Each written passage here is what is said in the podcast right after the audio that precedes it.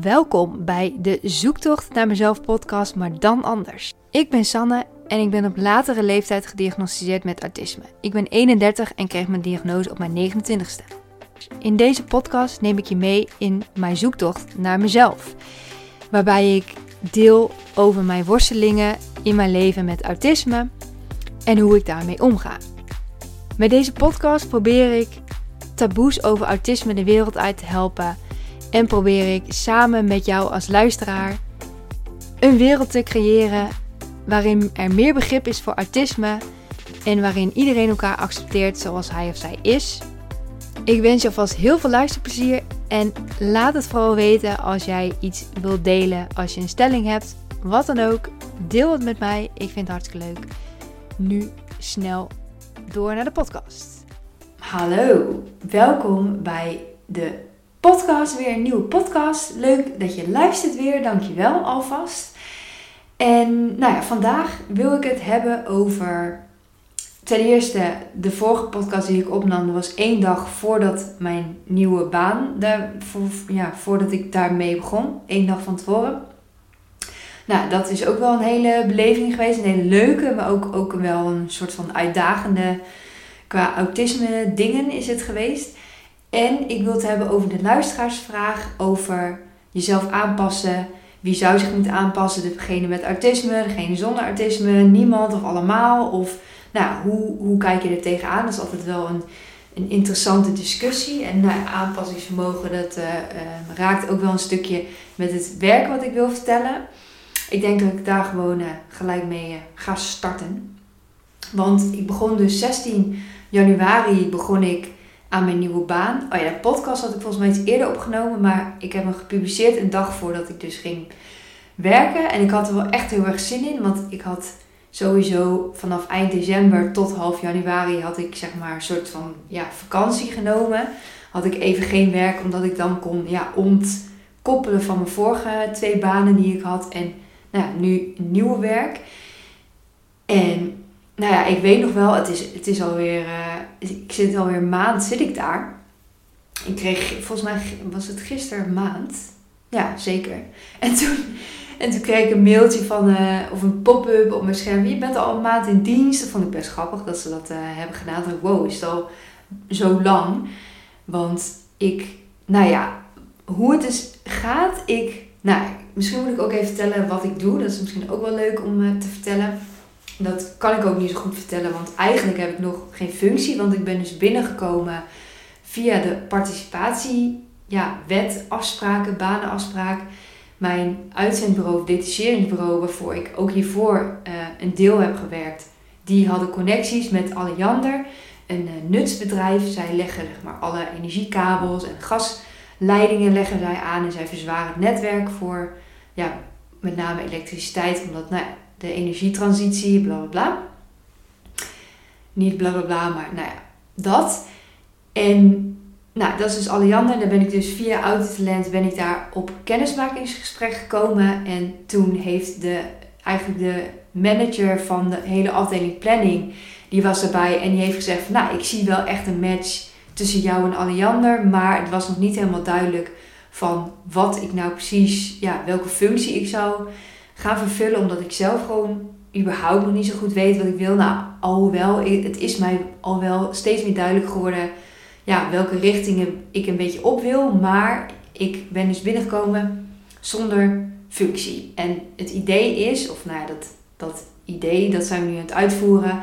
Eerst vier weken in het ene team meelopen. Dan vier weken in een ander team meelopen. En dan nog vier weken in nog een ander team. Je hebt zeg maar de planningsafdeling. Dan heb je één team, daar zit ik nu in. Dat is het transformatieteam. Die houdt zich bezig met verbeterprocessen over de hele planning heen. Dus als er dus ja, verbetering nodig is of wat dan ook. Dan gaat het verbeter, eh, verbeter ja, dat team, het transformatieteam gaat dan een project opzetten om dus processen te verbeteren of dat soort dingen. Dan heb ik het business planning team, daar ga ik straks in meelopen. Zij maken 10 jaren plan. Zeg maar prognose voor hoeveel werk er komt. En nou ja, qua planning dus, wel met planning te maken. 10 jaren plan. En daarna ga ik naar een team. En die houdt zich bezig met grootverbruik, reconstructie en netten. En die maken het tweejarenplan van 2 tot 0 jaar. En zij dragen dan de planning over naar de operationele planning die echt de monteurs inplant. Van jij moet daarheen en jij moet daarheen. Nou, dat is in het heel in het kort wat ik ja, doe. En nu ben ik dus in het transformatieteam vooral aan het meekijken. Ik mag ook al wel bepaalde taken uitvoeren. Ik ben bijvoorbeeld bezig met het onboardingsprogramma. Uh, kijken van welke behoefte ligt er binnen de afdeling planning. Want daar is dus, nou ja, daar is dus geen onboardingprogramma voor nieuwe mensen die dus onboard komen bij de organisatie. Iedereen krijgt een beetje versnippende kennis. Nou, ik vind het heel leuk om me daarmee bezig te houden in ieder geval. En daar zit ik nu. En nou ja, eind februari ga ik naar het business planning team. En zij kijken dus heel, ja, heel ver vooruit, tien jaar vooruit van ja, wat is het werk wat er aankomt en wat, ja, wat is de instroom van monteurs en moeten we monteurs dan opleiden. Nou, ook heel interessant. Um, maar ja, ik merk dus dat, nou ja, oké, zal ik eens beginnen bij het begin. bij het transformatieteam, de eerste week was sowieso echt een soort overload en overprikkeling en nou ja, dat allemaal. En ik had ook nog een beetje een, eigenlijk een soort foutje gemaakt. Of een foutje. Ik had gewoon de eerste twee, drie weken heb ik echt veel te veel gepland. En ik moet ook nog zeggen, even tussendoor. Dat in de vorige podcast was ik helemaal positief over mijn date. Nou, dat is inmiddels uh, afgekapt. Echt op een vet botte manier. Dat je echt denkt van, hoe kun je dit doen. Maar goed, dat, ehm, daar was ik wel snel overheen van oké, jij wilt het zo, dan, nou, dan is het ook klaar. Ik had een heel goed gevoel over, maar hij had al aangegeven dat hij twijfelde. Dus nou ja, ik, ik zag het op een gegeven moment wel aankomen dat hij vond dat we te verschillend zijn. En nou, had het gevoel niet. Nou, als dat er niet is, ja, dan ja, kan ik daar ook niet zoveel mee. Ik was natuurlijk wel even verdrietig, maar nou ja, dat is wat het is. Um, ik ben nu wel alweer een, een nieuwe, nieuw aan het daten. En dat, nou, dat gaat tot nu toe heel erg goed. Dus ik durf niet echt uitspraken erover te doen. Omdat nou, je weet nooit wat er volgende maand weer uh, speelt. Maar tot nu toe is het heel leuk. En nou ja, we gaan elkaar vanavond of morgen gaan we elkaar weer zien. En dan gaan we echt een dag heel pad. Dus dat is heel leuk. En nou ja, ik denk dat wij elkaar heel goed aanvullen. En ja, het is grappig dat hij ook zeg maar neurodivers brein heeft. Dus dat is heel leuk. En ja, dat, dat, dat vind ik wel heel mooi eigenlijk. Dat we, ja, het is een mooie match. Dus, nou. Dus dat. Dus wat dat betreft ben ik op liefdesgebied ben ik wel uh, ben ik heel erg blij. En op werkgebied, ja, ik, ik was dus opnieuw aan het daten. En in het begin was ik nog met, met mijn vorige date aan het daten. En nu met een andere date dat kost eigenlijk ook heel veel energie. En eigenlijk had ik dat niet naast elkaar moeten doen. Dan had ik even moeten focussen op alleen op het werk. En ik had ook nog daarnaast heel veel afspraken gemaakt, sociale afspraken en dingen. Dus het, op een gegeven moment, na de vierde week of na de derde week, had ik echt een soort instortmoment dat ik echt, mijn energie was gewoon helemaal weg. En nu ben ik ook bijvoorbeeld nou ja, ik ben nu dus wel aan het kijken. Ik heb een hele fijne uh, ja, buddy. Ze is ja, leidinggevende van het transformatieteam. Zij blijft mijn buddy ook als ik in de andere teams uh, ga samen gaan meelopen. Om een soort van ja, continuïteit te bieden. Van, ja, dat zij gewoon mijn vaste aanspreekpunt blijft. Dat is heel fijn. Zij is ook een heel fijn persoon om, ja, om, om als begeleider te hebben. Dus zij helpt mij ook om te kijken van... Ja, waar wil ik nou naartoe? En wat heb ik dan nodig? En mijn energie. Want ik gaf dus aan van ja, ik heb echt dingen af moeten zeggen. Vorige week heb ik echt dingen af moeten zeggen. Omdat het gewoon te veel werd met werk. En ja, ik had gewoon al mijn energie nodig voor het werk. En ik, ja, ik kon er even niks naast hebben. En uh, ze zei van ja, dat is op zich. En ik geef haar helemaal gelijk. Ze zegt ja, op zich prima om in de eerste, ja, in de eerste vier weken dat, je, ja, dat het gewoon veel is. Dat, nou, dat is best wel normaal. Zeg maar ook normale mensen ja, hebben dat. Maar ze zegt, ja, je moet wel echt even goed in de gaten houden dat het niet zo blijft. Dat je wel ja, ook naast je werk energie genoeg hebt om ja, ook leuke dingen te doen die je wil doen en die je ook kan doen. Want ja, het is niet de bedoeling dat je wel een leuke baan hebt, maar dat je daarnaast dus niks kan doen. En nou, dat vind ik heel fijn dat zij ook zo denkt. En ook mijn relatiemanager vanuit Oudste Talent, vanuit het detacheringsbureau. Daar hebben we dus ook af en toe hebben we dus een evaluatiemoment met z'n drieën. Dat ja, mijn relatie met een Audi-talent ook meekrijgt van wat gebeurt en hoe ik in mijn vel zit. En nou ja, dat is, dat is heel fijn. Maar zij zei dus inderdaad ook, nou laten we daar goed scherp op zijn. Dus ik ben nu ook een energiedagboek aan het bijhouden. En ik ben aan het bijhouden hoeveel slaap ik dan heb gehad. En wat ik die avond ervoor allemaal heb gedaan. Want dat heeft dus heel veel invloed op de energie die ik de volgende dag heb. En nu ben ik ook aan het analyseren. Want nou ja, ik zit best wel veel bij overleggen. En ik merk gewoon dat sommige overleggen mij heel veel energie kosten. En andere geven mij weer heel veel energie. En ik merk dus bijvoorbeeld dat ja, bij Alliander en niet, ja, niet negatief bedoeld, maar er wordt gewoon heel veel overlegd. Sowieso, heel veel overlegd.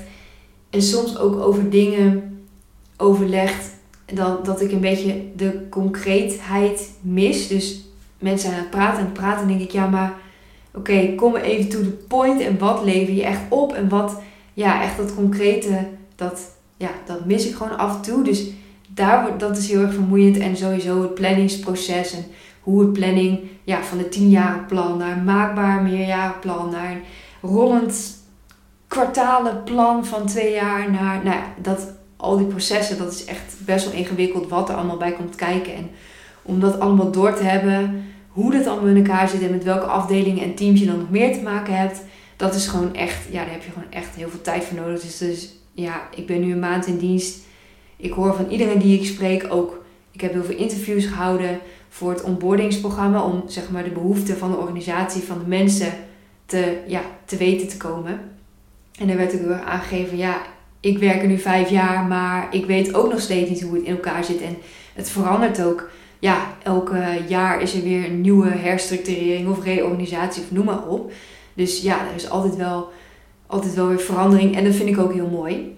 Maar het is alleen lastig om dan up to speed te komen of up to date, ja, om de organisatie te leren kennen. Of de organisatie leer ik wel kennen, maar echt de planningsafdeling, dat is wel echt een uh, vak apart. Dus nou, daar zit ik nu middenin. Maar ik, ja, ik, het was gewoon heel veel. Vooral de eerste dag. Op een gegeven moment was het drie uur of zo. Nou, toen was ik helemaal, toen was ik gewoon het beeldscherm aan het kijken. En ik kon gewoon echt niks meer in me opnemen. Het was gewoon allemaal ja, ik, het kwam gewoon niet meer binnen. En dat had ik bijvoorbeeld gisteren zat ik, was ik thuis aan het werk. En toen had ik ook, toen zag ik gewoon helemaal een beetje wazig of zo. Ik denk, ja, dit, ik ben echt gewoon, uh, het is weer klaar.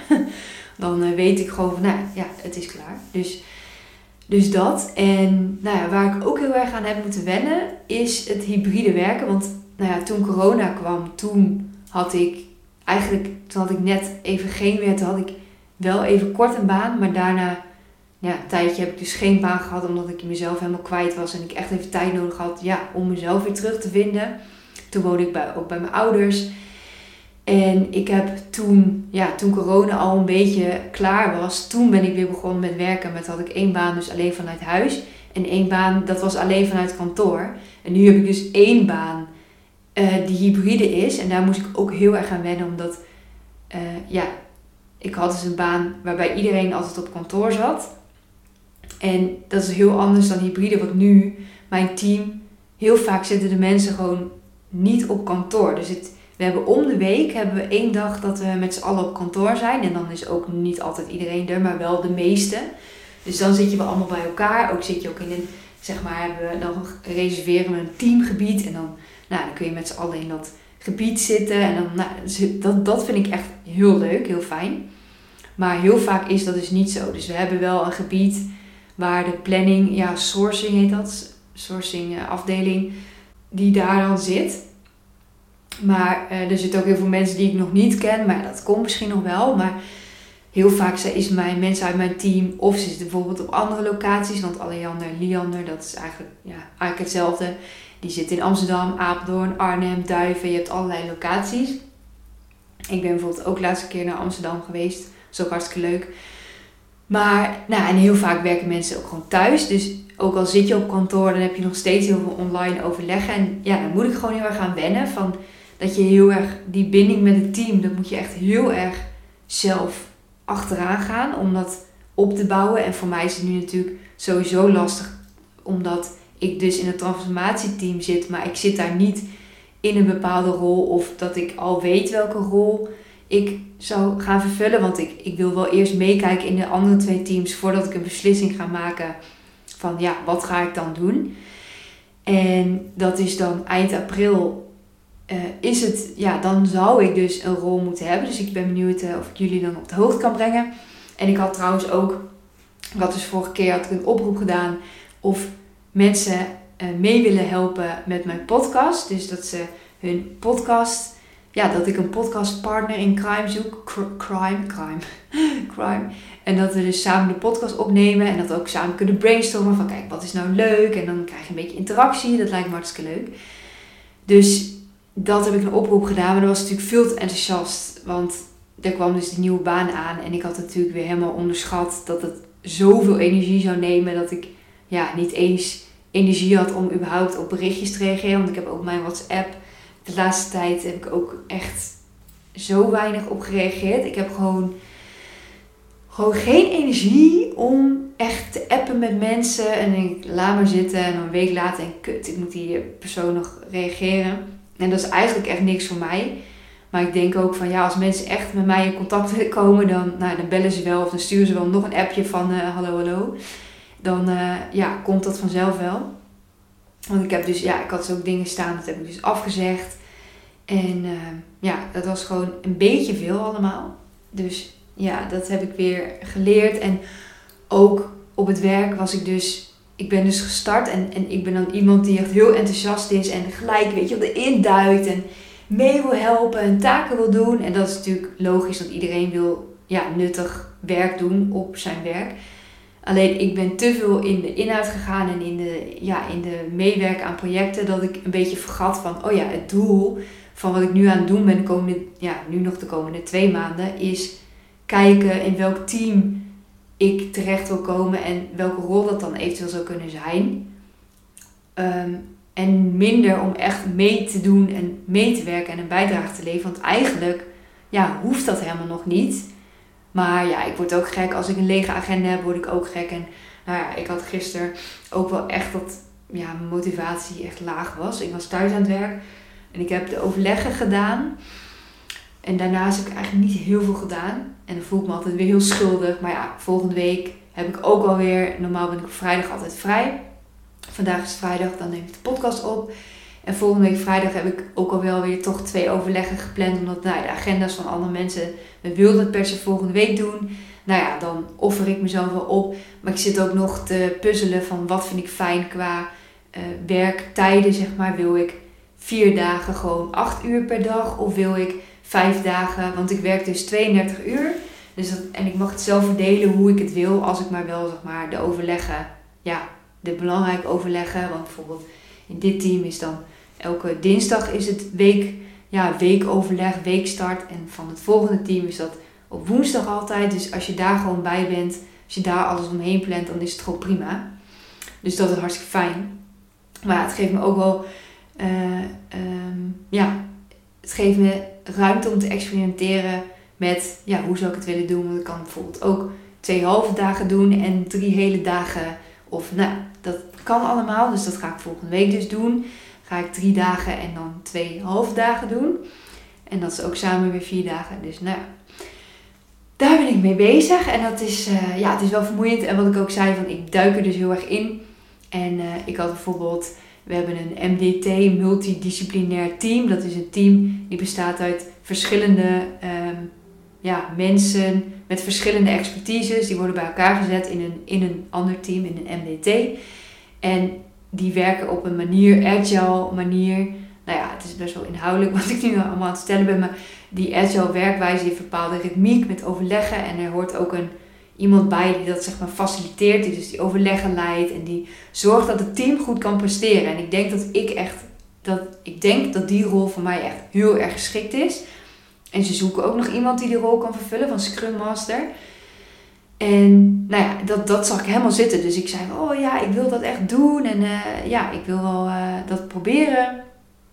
Maar dan word ik wel afgeremd van, oké Sanne, kijk eerst eventjes die andere twee teams, die andere uh, ga daar ook mee lopen en kijk hoe dat is. En ga dan die beslissing maken. Want ik ben dus iemand die best wel ook heel erg kan niet echt op het woord komen, maar dat je heel erg intuïtief, snel een beslissing maakt. Zonder dat ik er heel goed over nadenk. Dus ik ben wel blij dat mijn begeleider dus vanuit Alliander, dat zij soms wel eens op de rem trapt van oké, dit gaan we even parkeren. Want er was bijvoorbeeld ook een veiligheidsambassadeurschap dat werd gevraagd. En nou, daar zoeken ze ook vrouwen voor, omdat het team van ambassadeurs nu bestaat uit mannen. En nou, ze willen meer diversiteit, vind ik hartstikke goed. Maar ik wilde dat gelijk doen. Ik dacht, ja leuk, dat ga ik erbij doen. Maar dat is ook iets van, ja, laat ik me eerst aan focussen op één ding. Want dat, dat is dus best een valko waar ik dus intrap van, ik wil gewoon heel veel dingen. En dat kan niet allemaal. En nou ja, dan ben ik blij dat iemand zegt van, nee, het kan allemaal niet. Dus we gaan het even parkeren. En het is heel fijn, want zij zegt dan, we parkeren het even. Maar zij sluit niet de deuren. Dus dat is heel fijn. Ze zegt niet van, uh, nee, het gaat niet gebeuren. Maar wel van, we zetten het op, we houden het op de agenda voor de toekomst. Maar nu even focus op nou ja, waar je nu dus op moet focussen. Dus dat is, uh, dat is heel goed. En wat mij ook is opgevallen tijdens het werken trouwens over autisme gesproken, is dat ik zeg maar, ik ben dus heel open over mijn autisme. Ik heb vooral in het begin, in de eerste paar weken, echt zoveel kennismakingsgesprekken gevoerd. En ook heel veel mensen geïnterviewd voor de onboarding. Dus ik heb echt superveel mensen ontmoet. En uh, ik vertel dan wel over mijn autisme, want nou, dat is ook hoe ik ben binnengekomen bij Alliander. Ik maak ook mijn podcast, daar ben ik best trots op dat ik dat doe. Dus nou, dat vertel ik dan altijd. En heel veel mensen zeggen van, ja, oh ja, ik wist het, ik, ik kon het helemaal niet merken. En vooral nu echt mijn teamgenoten die mij dan nu iets langer kennen. Dat ze zeggen, ja, ik merk het echt helemaal niet aan je. En nou, aan de ene kant is dat goed, maar aan de andere kant ook weer niet. Want iedereen is wel, dat is wel. Ze zeggen wel van ik merk het niet aan je, maar iedereen is wel heel open en heel menselijk. En ze vragen ook van ja, wat heb je dan nodig? En ik vind het wel fijn om te weten. Want wat als je wel op een bepaalde manier reageert, dan, dan, dan zeggen ze dus van nou, dan weten we hoe we moeten reageren. En dit is bijvoorbeeld ook een teamgenoot. Die heeft epilepsie en die had een keer een aanval weer gehad s'nachts. En had heel lang niet gehad. En nou, dat deelt hij dan ook met ons. Dat vind ik ook heel ja, heel mooi dat hij dat deelt. Dus het is sowieso een heel open team. En überhaupt alle mensen bij Alliander zijn heel, ja, heel fijn en heel open-minded. Van ja, oké, jij hebt dat. Nou ja, maakt niet uit. Ehm, het is wat het is. En ja, ze kijken in ieder geval wat, wat ik ervan denk. Dat ze niet anders naar mij kijken. Maar dat ze juist heel erg vragen van... Ja, waar heb je behoefte aan? En, en wat, ja, wat zijn dingen die ik bijvoorbeeld niet moet doen. Of juist wel moet doen. En, maar dat, dat is er niet voor mij. Dat, dat vind ik dus zo lastig, omdat ik dus zelf er juist last van heb in mijn energie. Dat het gewoon heel laag is naast het werk. Ik geef zeg maar alles op het werk. En daarnaast, ja, dan is mijn energie eigenlijk een beetje op. Dus ja, dat, dat maakt het gewoon heel erg lastig. En ook ja, om daar zo'n balans in te vinden. En om te vinden van waar ligt dat dan aan. En zijn er bijvoorbeeld bepaalde overleggen die ik beter kan overslaan. Of um, ja, ik zit ook van. Ik werk dan veel in Arnhem en dan ga ik dan met de auto naartoe, maar ik mag ook met het OV. Dus ik ben ook één keer, afgelopen week was ook een afscheidsborrel van een collega. Die gaat zes maanden op onbetaald verlof. Die gaat zes maanden in een camper met zijn vrouw en zijn uh, kleine kindje. Dat is echt vet, ja, echt vet cool dat hij dat doet. En toen was ik dus met OV naar Arnhem gegaan. En uh, ja, ik moet nog maar kijken van ja, wat, wat kost dan meer energie? Is dat met de auto of niet? Um, ja, en überhaupt naar kantoor en thuis, die verhouding tussen kantoor en thuiswerken, dat moet ik ook allemaal nog uitzoeken. Want afgelopen twee weken was ik heel veel op kantoor en minder thuis. En ik denk dat ik het toch fijn vind om ja, 50-50 te doen. Of misschien één dag op kantoor maar. Maar ja, dan mis je ook weer heel erg die binding met het team. Wat ik juist heel leuk vind. Dus het is altijd een soort van dilemma en een soort ja, naast elkaar zetten van ja, hoe wil je het? Wat weeg je tegen elkaar af qua energie geven en energie nemen? Ja, dat is gewoon een hele zoektocht. En uh, ja, daar ben ik gewoon, daar ben ik nog niet helemaal uit. En ik, ik, ik voel me ook best wel onzeker op het werk, omdat er heel veel mensen zijn die gewoon heel erg weten wat ze doen. Nou, dat is ook wel mooi dat dat zo is.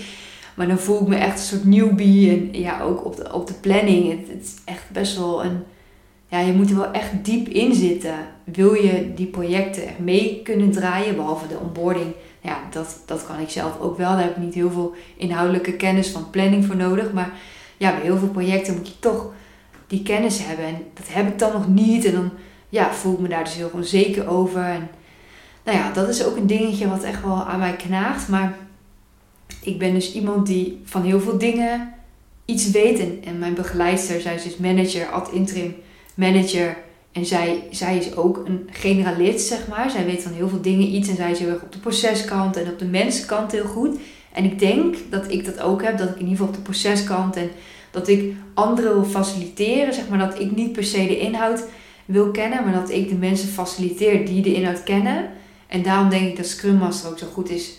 Ja, goede functie voor mij is. Maar dat ik dus, ik mag dus meer mijn generalist zijn. Om, omarmen. Dat ik ja, niet per se ehm, overal alles van wil kunnen weten. Want überhaupt kan dat niet eens. Maar nou, dat ik degene ben die misschien meer op het proces is. En ik kan heel goed mensen aanvoelen. En ja, dat, daar ligt mijn kracht weer heel erg. En nou, moet ik nog maar kijken hoe ik dat dan in een functie kan gieten. En of die functie ook echt van toegevoegde waarde is. Want ik moet natuurlijk wel toevoegen aan Alliander. Dat mensen ook echt beter kunnen werken doordat ik ze help. Want ja, anders wat ben ik dan aan het doen?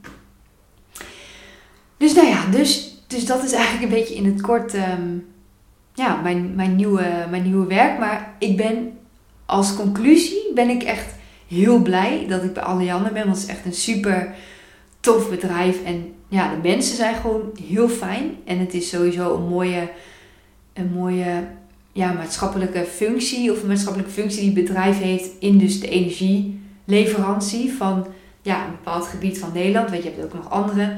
Maar zij zijn dus voor een bepaald gebied verantwoordelijk. En nou ja, ik vind het mooi dat ik daar aan mag bijdragen. Dus ook een beetje een maatschappelijke functie. Daarnaast ben ik gevraagd voor om uh, in het. Um, wat was nou? In het raad van bestuur van de Stichting Onbeperkte Denkers te uh, komen. Dus daar zijn we nu mee bezig om dat op te zetten. Komen we twee keer per jaar bij elkaar en dan gaan we ja, de richting van onbeperkte denkers bepalen. Wat zijn we nog op het goede weg en wat voor dingen willen we allemaal doen in het komende jaar. Dat vind ik echt super tof dat ik daarvoor gevraagd ben. Want voor onbeperkte denkers heb ik natuurlijk hiervoor heb ik voor hun gewerkt.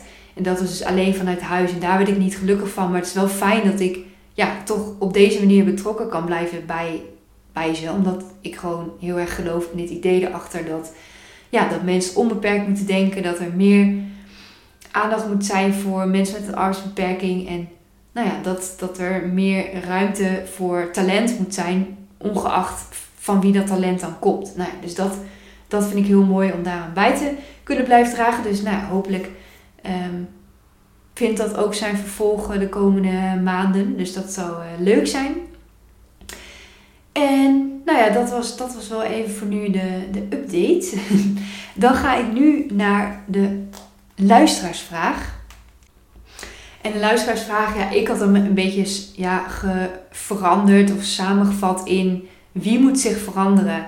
Moet de mensen, moeten de mensen met autisme zich veranderen aan de maatschappij? Of moeten de mensen zonder autisme zich aanpassen? Of moet niemand zich aanpassen? Of moet juist iedereen zich aanpassen? Dat was eigenlijk de vraag die ik heb gesteld. Dus ik zou zo even de statistieken erbij halen. Maar uh, die vraag is eigenlijk naar aanleiding van de luisteraarsvraag gekomen. En dat is het volgende. Als ik naar mezelf kijk, pas ik mij altijd aan aan anderen. De laatste jaren, als ik een keer iets graag wil, laat ik dat merken. Ik heb het idee op dat moment dat ze het er niet mee eens zijn, maar het dan wel doen en dat onderweg vermijden. Voorbeeld, we hadden een high tea en ik wilde als enige een bepaalde thee. Er waren twee die uit fatsoen hier ook thee van dronken en de rest wilde dat niet. Ze kijken me dan allemaal zo afwachtend aan. Puntje, puntje, puntje. Ik weet dat ik ook wel een keer iets mag hebben of doen waar ik blij van word. Maar toch heb ik dan een schuldgevoel en het idee dat ik als enige autist echt buiten de boot val. Herkenbaar of ben ik de enige? Dus, nou ja, dat je dus als persoon met autisme je dus altijd aan moet passen aan anderen. Of dat je dat gevoel hebt dat je dat moet doen. En um, nou ja, ik sowieso is het herkenbaar, dus um, dat sowieso. En nou ja, ik moet zeggen hoeveel mensen hebben gereageerd. 37 mensen hebben op mijn um, poll gereageerd. De vraag was, ik kan het, oh, ik kan het wel even laten zien. Hoeveel mensen hoeveel pas jij je aan in het dagelijks leven? En dan heb ik dus een, een, ehm, een slide dingetje gemaakt. Ik weet niet of je kan zien. Maar zoals je ziet is het dus best wel aan de hoge kant. Ik denk dat het zeker wel nou ja, 75, 80 procent is. Het is best wel veel, want de schaal was van nooit tot altijd. En, maar ja, ik vraag me dus trouwens wel af, passen mensen zonder autisme zich dan ook zoveel aan? Eigenlijk had ik dat ernaast moeten zetten als een soort controlegroep. Want nu, ja, mijn doelgroep is natuurlijk, ja, de mensen die mij volgen zijn vooral mensen met autisme. En die passen zich blijkbaar dus heel veel aan. En vind ik eigenlijk jammer, want ja, ik zou zo graag willen dat er een maatschappij komt waarin je dus, ja, waar iedereen zichzelf mag zijn en waarin iedereen geaccepteerd wordt zoals hij of zij is. En nou heb ik dus een polvraag gevraagd en even kijken hoeveel mensen daarop hebben geantwoord. Nou ja, meer dan 50 sowieso. Mensen hebben gestemd en 54% stemt erop met dat iedereen zich zou moeten aanpassen. Daar ben ik eigenlijk ook mee eens. 25% zegt niemand hoeft zich aan te passen. 18% zegt mensen zonder autisme moeten zich aanpassen. En 3% zegt mensen met autisme. En dat vind ik wel, uh, ja, dat is eigenlijk ook wel een beetje de uitslag die ik had verwacht. Dus eigenlijk, ja, eigenlijk moet iedereen zich aanpassen. Dat vind ik dus ook wel mooi. Dat is volgens mij ook wel wat ik in de reacties terug heb gekregen. Die zal ik zo even met jullie doornemen. Dat mensen ja, dat iedereen zich moet aanpassen. Het, het, moet van twee kanten komen. Het is niet zo dat mensen met autisme, die passen zich sowieso al heel veel aan. In ieder geval dat, dat gevoel heb ik dus bijvoorbeeld met het werk. Dat het kost mij gewoon heel veel energie. Meer dan van andere mensen. En ja, het ligt natuurlijk ook aan... Ik ben nog zoekende naar mijn plek. Ik denk wel als ik mijn plek heb gevonden... Dat ik, dat ik daar meer energie uit kan halen dat het nu nog eventjes een periode is dat het misschien iets meer energie kost dan, ja, dan ik wel uiteindelijk verwacht eruit te gaan halen. Want nou ja, als het zo blijft zoals nu, ja, dan is het inderdaad niet zo leuk om te blijven werken. Maar ik heb dus wel het gevoel dat ik me dus best wel aan het aanpassen ben. En ja, dat andere mensen dat minder hebben, zeg maar. Dus het zou fijn zijn als mensen zonder autisme zich ook leren aanpassen aan andere mensen. En die andere mensen kunnen mensen met autisme zijn, maar kunnen ook mensen met ADHD zijn, mensen met dyslexie kunnen zijn, mensen nou, noem maar op, depressie, uh, psychische stoornissen hoort er ook allemaal bij. Als, als daar nou meer ruimte voor komt voor die mensen, dat er niet, want daar zag ik dus toevallig volgens mij van Psychologie Magazine een post voorbij komen, dat als je dus een depressie hebt gehad, dat mensen jou dan gelijk zien als, oh die ja, die heeft een zwak karakter, zeg maar. Of ja, dat iemand met bipolaire stoornis, dat hij echt een beetje, ja, dat er een steekje los bij is. Terwijl, ja, dat zijn zulke vooroordelen, dat is echt zo niet waar. En die mensen hebben ook heel veel talenten en die kunnen ook heel veel toevoegen. En misschien kunnen die mensen zelfs meer toevoegen dan jij zonder je depressie. En nou ja, dat, ehm, dat vind ik gewoon. Dus daar, ehm, ja, dat, dat is mijn mening. Even kijken of ik nog wat berichten heb gekregen. Ik heb dus een antwoord gekregen. Die ga ik nu allemaal bespreken. Een antwoord op van toelichting waarom jij dus vindt dat iemand wel of niet moet aanpassen. Iemand zegt, begrip komt van twee kanten. Dus beetje, beide een beetje. Ga het gesprek aan wat beide handig vinden. Nou, dat is dus inderdaad wat ik net ook zei. Dat, ja, dat het dus van twee kanten komt en dat niet alleen maar de mensen met autisme zich moeten aanpassen. En wat ik trouwens ook nog, nu ik over dit onderwerp heb, wat ik heb meegemaakt, is dat er iemand vanuit onbeperkte, nee, niet vanuit onbeperkte denkers, maar vanuit de Rijksoverheid, zij werkt daar en zij hield een talk, een OD-talk over haar autisme. Want zij ervaart dus autisme en er zat iemand bij, die lezing was online en die wat in de chat was hij aan het sturen van ja, moeten mensen met moeten wij ons altijd maar aanpassen aan de mensen met autisme?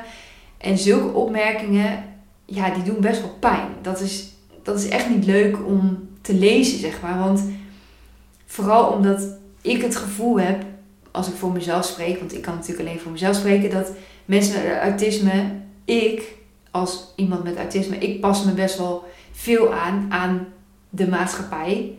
En ja, en dan roept iemand van waar moeten wij ons altijd aanpassen? Dan denk ik, ja, hallo, het moet, het moet van twee kanten komen. Want nou ja, anders is het niet gelijkwaardig. En dat is denk ik wel het mooiste van ja, werk en de maatschappij. Dat het gelijkwaardig is en dat mensen. Kijk, het is ook niet de bedoeling dat mensen juist heel veel rekening houden met mensen met autisme. Omdat dan kijken mensen ook weer anders naar. Want ik ken dus ook iemand die heeft ADHD en die vertelt het dus nooit aan iemand. Vooral op het werk niet, omdat je wordt gewoon negatief gaan mensen jou helpen. En dan wordt er dus heel erg snel gezegd nee, jij kan dit niet, want ja, jouw concentratie goed of wat dan ook. Terwijl ook ADHD kan zich heel anders, heel anders manifesteren bij iedereen. En ook, ja, ook, je kunt ook medicatie hebben. En je, ja, je kunt gewoon niet zeggen voor iemand wat iemand wel of niet kan. Dat, kijk, diegene die moet wel zelf leren om aan te geven als iets dus niet lukt. Moet je daar ook eerlijk over zijn. Maar het is ook ja, als het wel lukt, geeft diegene ook de kans om het wel te laten zien en om wel ja, het te proberen of het wel kan. En op wat voor manier het dan kan. Want misschien kan iemand heel veel, maar heeft hij bijvoorbeeld in het geval van autisme dan weer, of misschien ook van ADHD, heb je een hokje nodig voor jezelf. En ik had het ook met iemand over dat bijvoorbeeld bij Alliander heb je dat ook. Heb je eigenlijk alleen maar open werkplekken. Dat, ja, dat je, je hebt geen eigen hokje waar je kan zitten. Want al die hokjes en vergaderruimtes zijn altijd gereserveerd. Dus ja, dat, dat is gewoon heel, heel lastig. En misschien als ik het aan zou geven van goh, dat heb ik echt nodig, dan weet ik zeker dat er een hokje altijd voor mij gereserveerd wordt. Dat ik daar bijvoorbeeld een halve dag in kan werken, zeg maar. Dan weet ik zeker dat ze dat voor mij gaan regelen. Maar ja, maar dan blijkt dus helemaal, eh, die kantooromgeving blijkt zelfs voor mensen zonder autisme niet goed te zijn. Omdat er gewoon heel veel prikkels zijn en ja, dat, dat de productiviteit ook niet ten goede komt. Dus, nou ja, ik weet niet meer wat, ik, wat precies mijn punt hiermee was. Maar uh, goed, ik ga door naar de volgende. En iemand heeft ook gereageerd, of juist niemand die hoeft zich hoeft aan te passen. Is maar net vanuit welk, uitgangspunt je de vraag bekijkt, denk ik. Ja, inderdaad, het is, dat, dat klopt. Want iedereen of niemand, dat is eigenlijk dat is maar net hoe je het bekijkt. Maar ik zie, als ik dan die vraag zo, hoe zeg je dat? Als ik dat antwoord zo bekijk van niemand, denk ik, dan vind ik dat iedereen dus zichzelf mag zijn. Dus dat niemand zich hoeft aan te passen. Dat iedereen zichzelf kan zijn.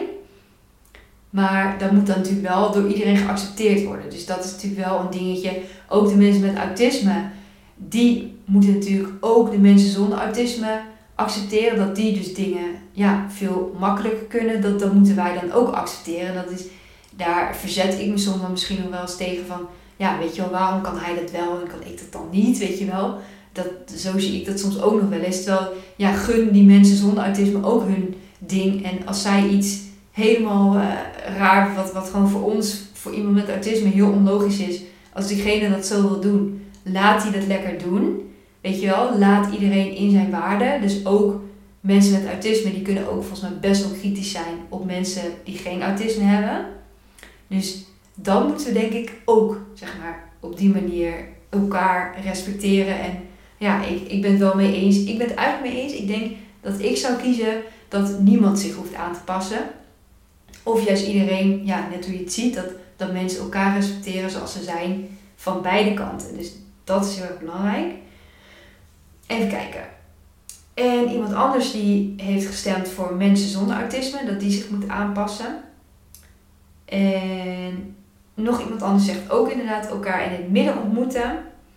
Dat is zeker, ja, dat is nou ja, wat ik net ook al, uh, waar ik het net ook al over had.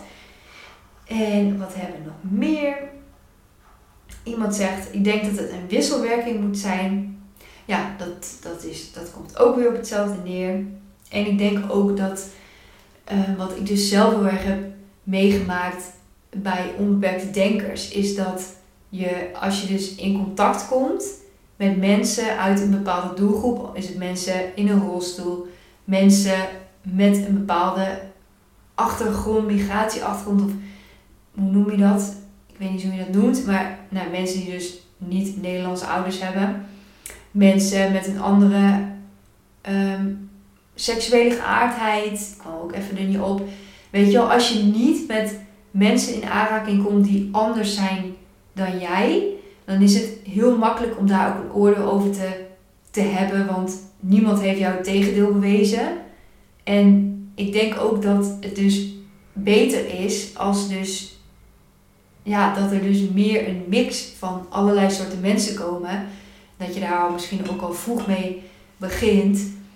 Dat, ja, ik weet niet hoe, ik weet niet hoe. Ik heb wel ideeën, maar ja, geen idee hoe dit op te lossen. Maar dat is soort in de ideale wereld.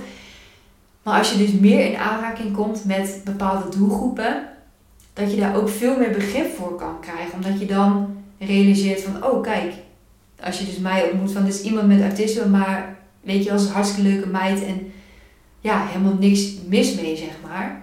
En nou ja, je zult misschien ook iemand ontmoeten met autisme die, die wel echt moeite heeft met sociale contacten en die nou ja, op andere dingen weer veel, meer uitblinkt, maar die, ja, die misschien moeilijker is om mee om te gaan als je die net ontmoet. Maar misschien is dat ook, zeg maar, is dat ook nog een voor, vooroordeel van mij, dat, ja, dat je dus, ik probeer zelf ook altijd te kijken van, iemand doet iets vanuit een bepaalde motivatie. En ik probeer altijd te achterhalen van, ja, wat is dan de motivatie? Het is niet dat iemand heel bewust heel bot doet of heel asociaal doet. In ieder geval, meestal is dat niet het geval. Bij sommige mensen natuurlijk wel. Maar meestal is het of, of mensen hebben niet eens door dat ze het doen. Of ze, ja, ze bedoelen het wel. Ze bedoelen het vaak gewoon wel goed op hun manier. En daar probeer je zelf dan altijd naar te kijken van ja, hoe kan je iemand wel opnemen en wel de, ja, de ruimte geven die diegene verdient. Dat je niet iemand afkapt omdat diegene in een rolstoel zit of wat dan ook. Ja, soms moet je dan iets meer moeite doen om ergens binnen te komen. Of om, weet je wel, als je iets organiseert, dat je ja, moet navragen bij het restaurant of een rolstoel toegankelijk is. Of nou, noem maar op. Dat, dat hoort er dan gewoon bij. Die extra moeite, die doe je dan gewoon. Dat, dat, ja, dat is een kleine moeite. Weet je hoeveel moeite mensen in een rolstoel moeten doen. Dat is veel meer dan dat ik één keer moet navragen in een restaurant. Oh, is de rolstoel toegankelijk? Bij wijze van spreken. Dus ja, dat is, dat is dus ook wat ik bedoel met het moet van um, twee kanten komen en een wisselwerking zijn. Dus dat. En iemand zegt, tja, kijken waar de authenticiteit elkaar vindt, lijkt mij. Ja, dat vind ik ook een mooie authenticiteit.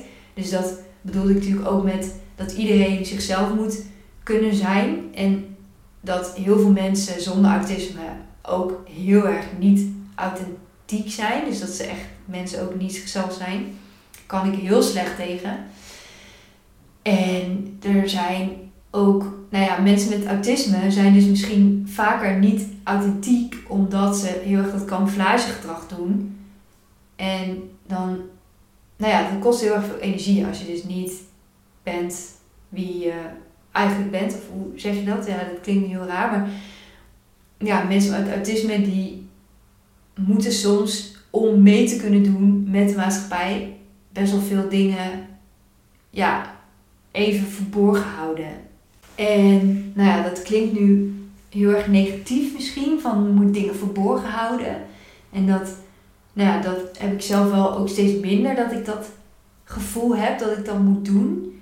Maar soms nou ja, ik zit dus bijvoorbeeld wel eens in vergaderingen die energie slurpen, dat ik echt helemaal wegzak en dat ik echt denk van, dat ik dan het liefst ik gewoon even weglopen.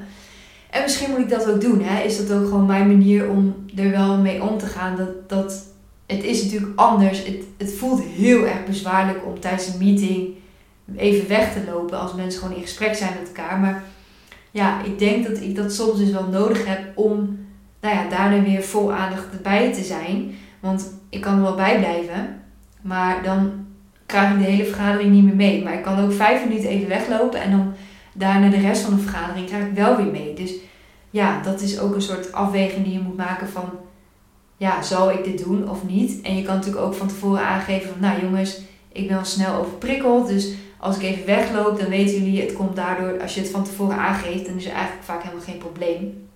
En uh, ja, nou ja, dus dat, dat komt vaak ook wel goed. En vaak is het ook dat, dat iedereen gaat maar door. En uh, ja, soms moet je ook even pauze nemen. ja, zo is het ook. Oké, volgende. Allebei moeten zich deels aanpassen. Het is belangrijk dat iedereen rekening met elkaar houdt met of zonder autisme. Als je autisme hebt en aangeeft waar je moeite mee hebt, vind ik dat de ander daar rekening mee moet houden of in ieder geval proberen. Maar ook andersom, hoe moeilijk dat ook is. Je kunt niet heel het leven aanpassen op mensen met autisme.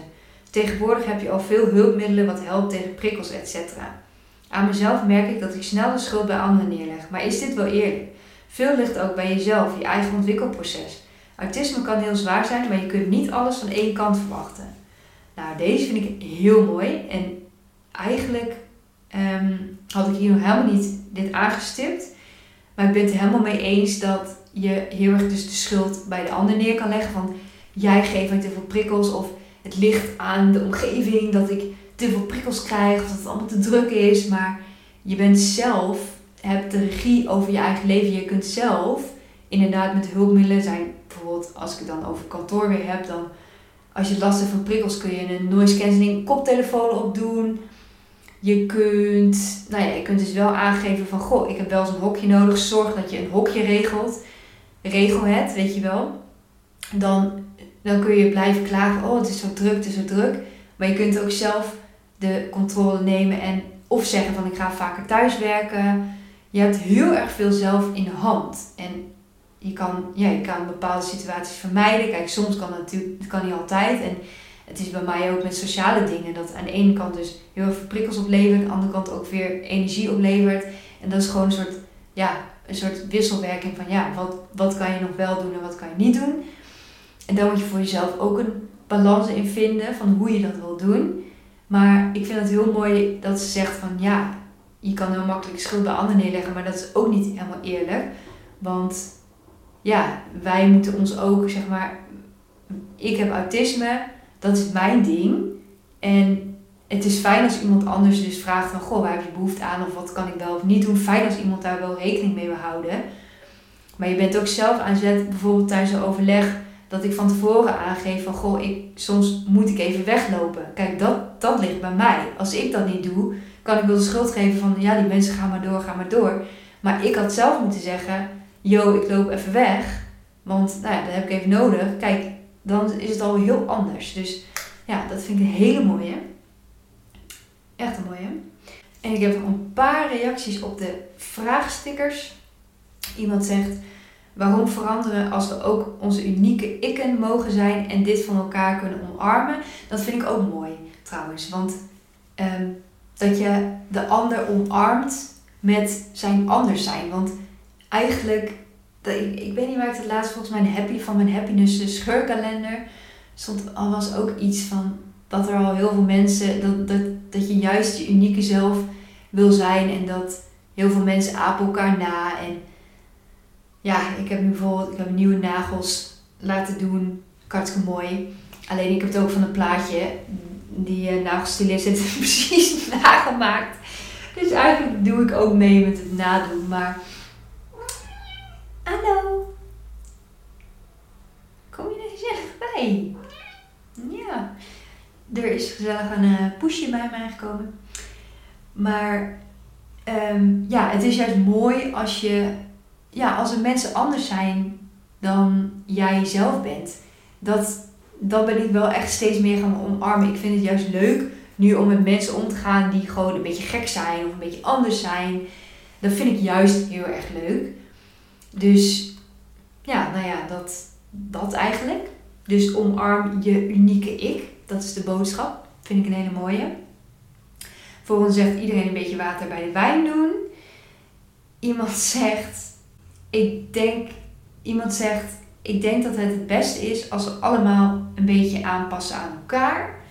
Dat, ja, dat denk ik ook. Dat is wat ik net inderdaad zei van, ja, je kan mensen met autisme, kunnen mensen zonder autisme de schuld geven Maar nou ja, het ligt vooral aan jezelf. En dat is dus met heel veel dingen. Hè? Dat, dat heel veel dingen kun je jezelf in de slachtofferrol plaatsen. Daar heb ik volgens mij al best wel vaak over gehad. Want dat is ook iets wat ik zelf ook probeer. Alhoewel ik soms natuurlijk ook wel in die valkuil stap van... Oh ja, shit, het stond niet mee. En het is zo moeilijk en zwaar. En denk je, ja, oh ja, je hebt zelf in hand. Je kunt zelf...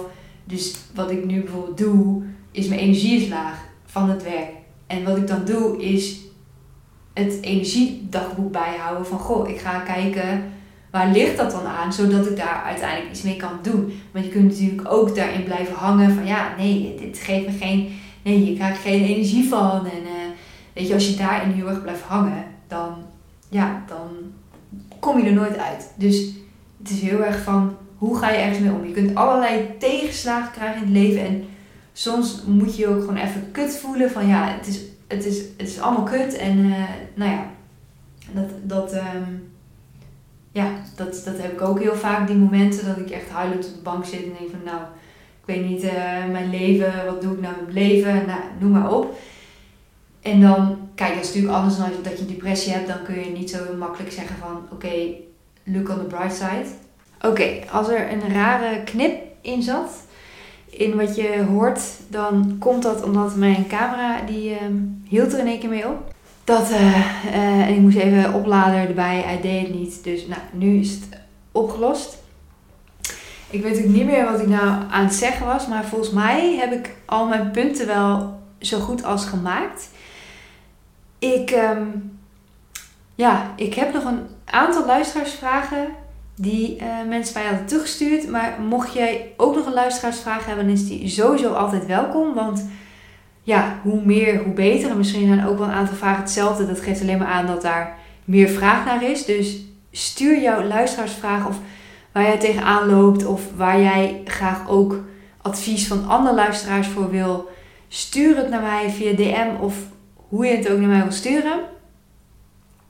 Laat het me weten en uh, dan, uh, ja, wie weet, ga ik jouw luisteraarsvraag in de volgende podcast bespreken. Die is dus weer over um, wat had ik gezegd? De eerste, de derde maandag van de maand ga ik elke keer een nieuwe podcast online zetten. Dus nou ja, dan komende derde maandag van de maand vind je dus weer een nieuwe podcast. Voor nu weer heel erg bedankt voor het luisteren. Voor alle mensen die hebben gereageerd op de poll en op de vraagsticker en mij DM's hebben gestuurd over luisteraarsvraag van wie zich zou moeten aanpassen. Wil jij gewoon je ervaring met mij delen? Mag ook altijd. Ik reageer dus niet altijd even snel, maar ik lees het vaak wel. Alleen dan, ja, qua reageren lukt dat niet altijd. Oké, het laatste stukje van de, uh, qua beeld, dat die camera die stopte weer mee. Maar ik, het geluid neem ik apart op. Dus het laatste stukje beeld is er gewoon even niet. Dat is wat het is.